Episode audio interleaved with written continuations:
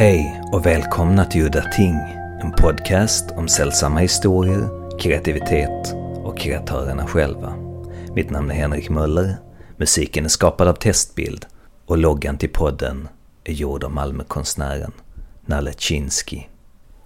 Det här avsnittet ska handla om den amerikanske skräckförfattaren Peter Straub mitt första möte med Straubs verk var hans samarbeten med Stephen King i till exempel Talismanen, som tyvärr inte imponerade allt för mycket. Det var långt senare när jag läste hans första och kanske största framgång, Ghost Story, som Straub trädde fram som en unik talang. Boken handlar om några gubbar i en spökhistorieberättande herrklubb som blir dödade en efter en i sina drömmar på grund av något oförlåtligt i deras förflutna. Det som imponerade på mig var bland annat scenen där mannen som åker runt från drive-in motell till drive-in motell med den lilla flickan och man tror att han är en ful gubbe som har rövat bort henne. Tills man får reda på att det är den lilla flickan som har övernaturliga krafter och att det är hon som har kidnappat honom. Det var före sin tid, mitt i det ganska konservativa 80-talet, när väldigt mycket, i alla fall enligt mig, just då kändes som det gick på rutin och malde runt, runt enligt en rätt tråkig formel. Sedan så kom Shadowland.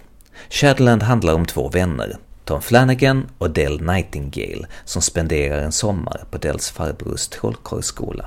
I retrospektiv så föregick den både Neil Gaimans Books of Magic, men framförallt Harry Potter. Fast i Shadowland så är historien filtrerad genom Straubs galna hjärna och Dells farbror, den karismatiske psykopat-trollkarlen Coleman Collins, är ingen Hagrid och Shadowland är långt ifrån Hogwarts trollkarlsskola. Barnen på trollkarlsskolan blir skrämda från vettet och när de försöker fly svarar deras läromästare med att spika fast dem med nio tums spikar i stolarna. Det finns förutom psykologiskt våld, tortyr och skräck en hel del riktigt originella, märkliga scener, som när Colemans troll tar av sig kostymerna och det visar sig att de egentligen är asiatiska slavar. Om jag nu inte minns helt fel, det var rätt länge sedan jag läste den, men ungefär så var det. Hela boken handlar mycket om vad som är illusion och vad som är verklighet, i stundom kraftigt surrealistisk ton. Detta var ett av mina första samtalsämnen första gången jag träffade filmregissören Richard Stanley.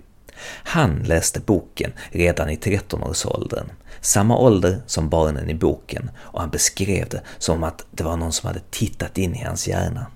Boken gjorde alltså enormt intryck på honom och han är än idag en fan av boken. Sån stor fan att han en gång i tiden under sina Hollywood-aktiva år ägde rättigheterna till Shadowland-boken och inledde förproduktion på den. Richard berättade att hans agent vid tillfället hade sagt till honom att om du tar bort allt hemskt som händer med barnen och gör det till en familjefilm istället så har du en garanterad succé. Richard vägrade såklart och senare visade sig att Steven Spielberg köpte rättigheterna till boken. Spielberg hade sett bokens kommersiella potential och senare så gjorde definitivt J.K. Rowling det med sin Harry Potter-serie. Richard skulle senare komma att döpa sitt produktionsbolag till Shadow Theatre och senare sin hemsida och Facebookgrupp till Terra Umbra, alltså Shadowland. How come you named your group and production company after Shadowland? Well, I guess I always wished that there was some kind of school or some place for learning that stuff. And, um, yeah, I always wished I could live in Shadowland. It may work its way out eventually. We'll see. I mean, the um, um, Peter Straub's evil magician character, Uncle Cole, is one of those um, figures like Dr. Moreau that's always been a, a, a kind of a, um, a negative role model in my life. You know, I still find myself adopting um, the slightly tongue-in-cheek, slightly cynical uh, turn of phrase that Uncle Cole has when he's describing his life story. And um, certainly, if I go back onto Dr. Moreau again, as as is happening at the moment, um, it'll play out like that. Men nu till mysteriet. Richard, som tror på magi och det övernaturliga, berättade att han hade gjort en besynnerlig upptäckt i andra utgåvan av Shadowland-boken. Straub hade ändrat vissa bitar. The Levels of Magic i andra halvan av boken. Varför hade han gjort det? Det fanns ingen anledning till det. Richard misstänkte att Straub hade upptäckt och använt riktig magi i boken och nu tagit sitt förnuft till fånga och ändrat detta innan en katastrof skulle inträffa. På Lovecraft-konventet Necronomicon i Lovecrafts hemstad Providence i augusti 2017 var Peter Straub hedersgäst. Jag och Richard Stanley var där med våra böcker för att få dem signerade. Richard med sin första utgåva och jag med min andra utgåva av Shadowland. Samtalet kom då upp igen och Richard berättade att han hade försökt i flera år över mail och Facebook att få Straub att svara på frågan varför han ändrat texten, men så fort han kom in på ämnet så bröt Straub konversationen och slutade skriva tillbaka. Richard tyckte att vi skulle trycka upp honom i ett hörn och konfrontera honom med våra böcker. När vi väl fick en chans att mingla lite med Straub så fick Richard kalla fötter och gick inte fram till honom. Den här absurda diskussionen hade nu, bara genom få år att jag hade känt Richard, fått gigantiska proportioner och jag bestämde mig för att ta saken i egna händer. Nästa dag gick jag på en panel med Straub och upptäckte hur rolig han var. En riktig karaktär, något som jag inte tycker har framgått i filmade intervjuer som jag hade sett i alla fall. Han satt och ritade frenetiskt med en liten reservoarpenna medan alla andra pratade, helt in i sin egen värld. Ibland så tog han upp pennan och satte på korken och rullade maniskt, nästan så han krossade den med fingrarna, djupt koncentrerad. Plötsligt, när man trodde att han var utzonad och helt inne i sin egen värld, så utropade han ett svar eller ett tillägg på någonting som någon sagt, till exempel ”Amen brother!” och så gick han in i sitt ritande igen, maniskt, maniskt, maniskt. Jag undrade vad det var han ritade, för papperslapparna han ritade på smugglades snabbt ner i hans kavajficka. Efter panelen så gick jag fram och haffade honom. Jag sa att jag ville prata med honom om Lovecraft inför min podcast Udda Ting, för jag tänkte att han vid det här laget var dödstrött på att prata om sig själv och sina böcker. Straub sa ja och jag kunde inte låta bli att fråga om han någon gång hade funderat över att skriva en riktig komedi. Have you ever tried writing a straight up comedy? I think you're so funny. No, but I tried. I once I realized that I, I, I was being kind of funny, then then I, I, I like doing it. And a long novel called The Throat, I put in lots and lots of jokes in most things, you know, because it kind of kind of helps the atmosphere a little bit if it's more complex. Sedan kom vi in på Lovecraft och hur han upptäckte Lovecraft första gången. Can you tell me when you first uh, discovered Lovecraft and your interest in him? Mm-hmm. I, I first discovered Lovecraft when I was quite young, like 12. And it was totally by accident. I had bought, uh, I've been buying modern library books. Uh, you know, a nice series in America that's been published for 50, 60 years. And there was, I had the Poe and I had a couple others but I discovered one called Great Tales of Terror and the Supernatural by Phyllis Cerf, edited by Phyllis Cerf and some guy whose name I forgot. It, it, it, it had lots and lots, it was huge, and it had lots and lots of really good stories in it. And that was, I first met Lovecraft there. The story was the Dunwich Horror, and I remember being stunned by the way the story was written because I had read kind of Fitzgeraldish, Hemingwayish uh, English prose, you know, as though that was the only kind that, that was ever written. And here was this guy with this florid, Baroque use of language. so it took me a little while to get used to it. But when I did get used to it, I liked it a lot. And then it, it seemed to me that that style perfectly matched what was going on in the story, all the undercurrents, all the secrecy, you know, the reveling really in the monstrosity. So I liked it a lot. I liked many of those stories. Not long after that, I, st- I stopped reading genre, genre, books altogether except for some crime novels, and I, and I, and I began a lifelong project of reading as much uh, literature as I could. Later on, when my wife and I moved to London, I, I became friends with a writer named Tom Tessier. Tom Tessier and I went through Lovecraft together, Richard Matheson, Robert Bloch, all these kind of people. I wasn't so crazy about them, but I, I, I, I, I like some of them a lot. But I, but I like Lovecraft more, and I, I, I kind of, I kind of gave it up for the guy. I mean, I kind of uh, surrendered, and I thought that he was actually a very good writer of a, of a very particular kind. He certainly overwrote, but a lot of people overwrite. John Updike overwrote like crazy, and everybody loved him for it. and, and it was very beautiful. You did a lot of research uh, about Lovecraft. I I had to um, learn, learn a lot more about Love, Lovecraft for the Library of America for his uh, uh, Tales anthology that I that I, I, had to choose the tales. I had to write notes. Um, I had to I had to do a chronology, and so S.T. Joshi was uh, very important to me. His uh, the his first antho- his first biography of of, uh, of Love, Lovecraft, not not I Am Providence, a two volume one. A Life, I thought it was called A Life. Yeah, it was a good good a good biography, and I certainly learned a lot. And uh, but why did you do it? Why did what compelled you to do it? Because they asked me, and I liked the Library of America immensely. And it was the first time Library of America had ever really reached toward genre like that. And I was just I was very moved by it because it indicated that the most respectable, responsible publisher in America was really acknowledging Lovecraft as though he were the same as John Cheever or John Updike or Philip Roth. And um, I, I, was, I, I, I was stunned because it's very hard to find that recognition amongst people who read serious literature. They don't want to say that, they don't want to believe it. Uh, but the Library of America people had no problem at all. And um, I, I couldn't resist once, once I had framed it to myself that way, which is the only way to frame it, really. Do you have any favorite Lovecraft stories? I still like uh, the Dunwich Horror the most, and I like the lurker on the th- at the threshold because it's so perverse. it's it's the only thing like it Lovecraft ever did.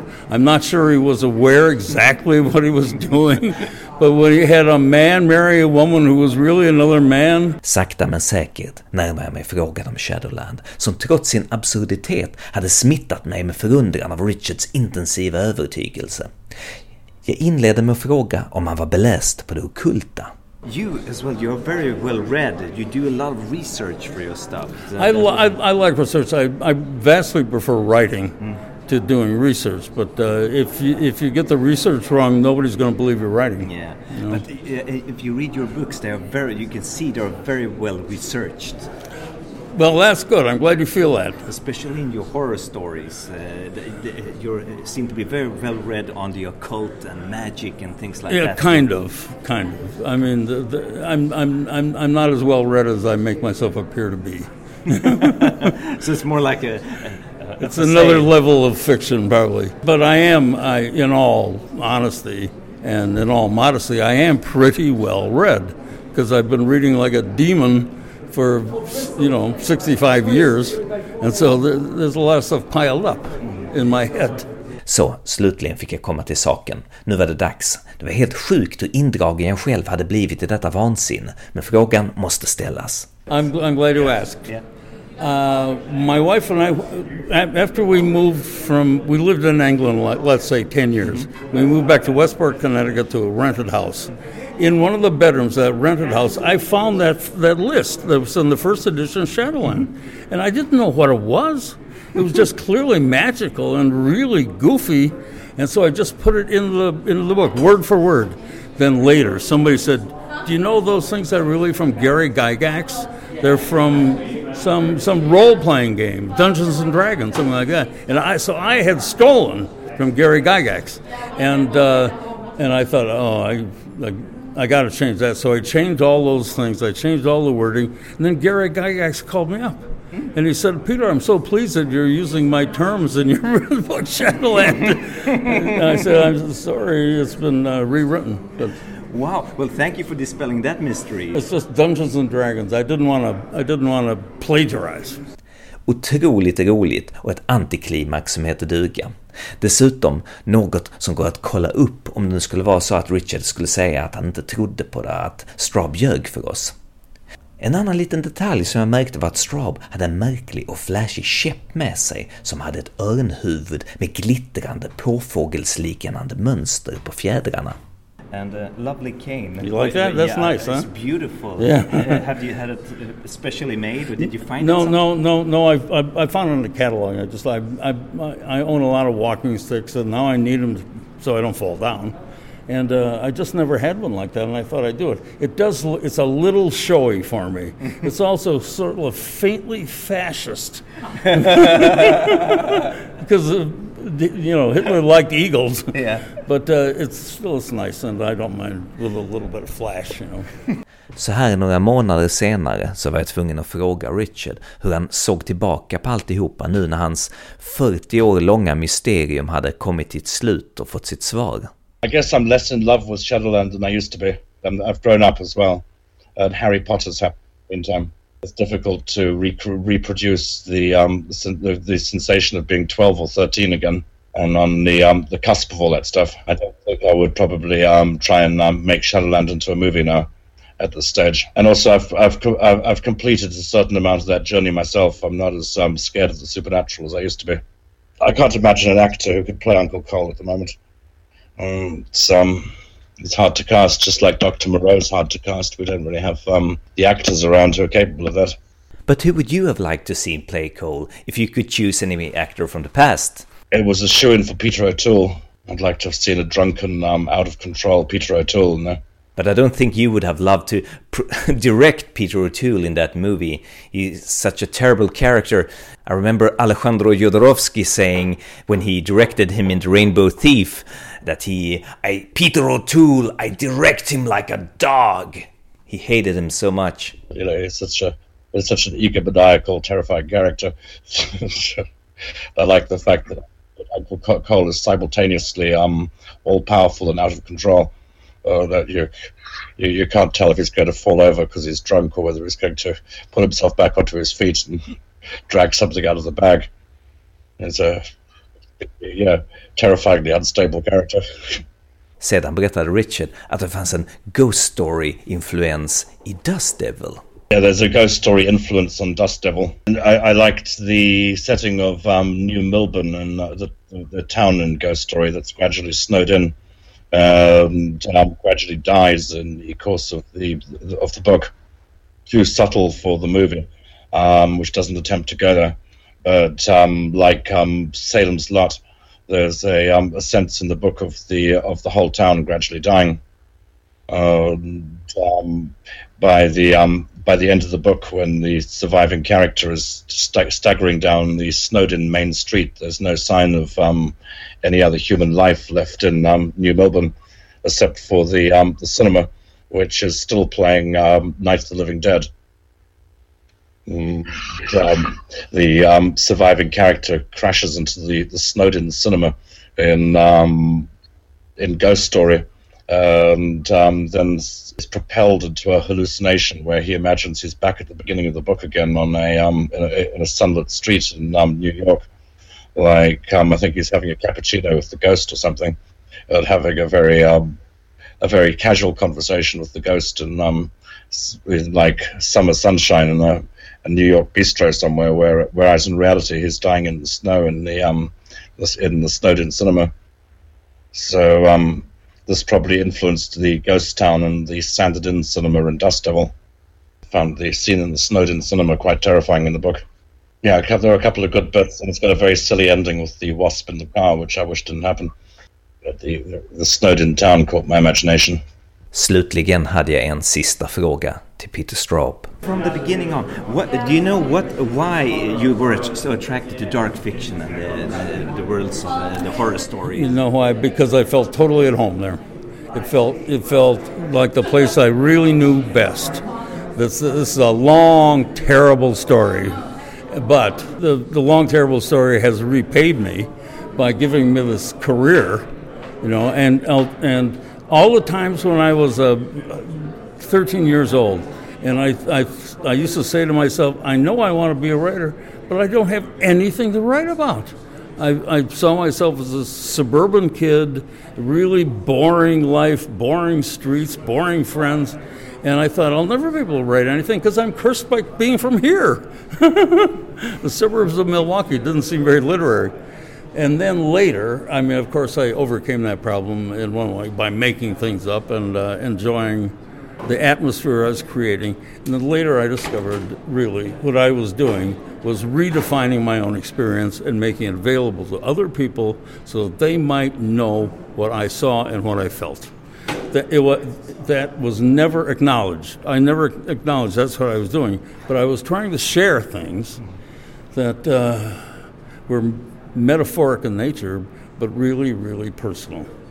Uh, you know, of, of, of great importance to me. Ja, det var allt för den här gången. Mitt namn är Henrik Möller. Musiken är skriven av Testbild. Hej då.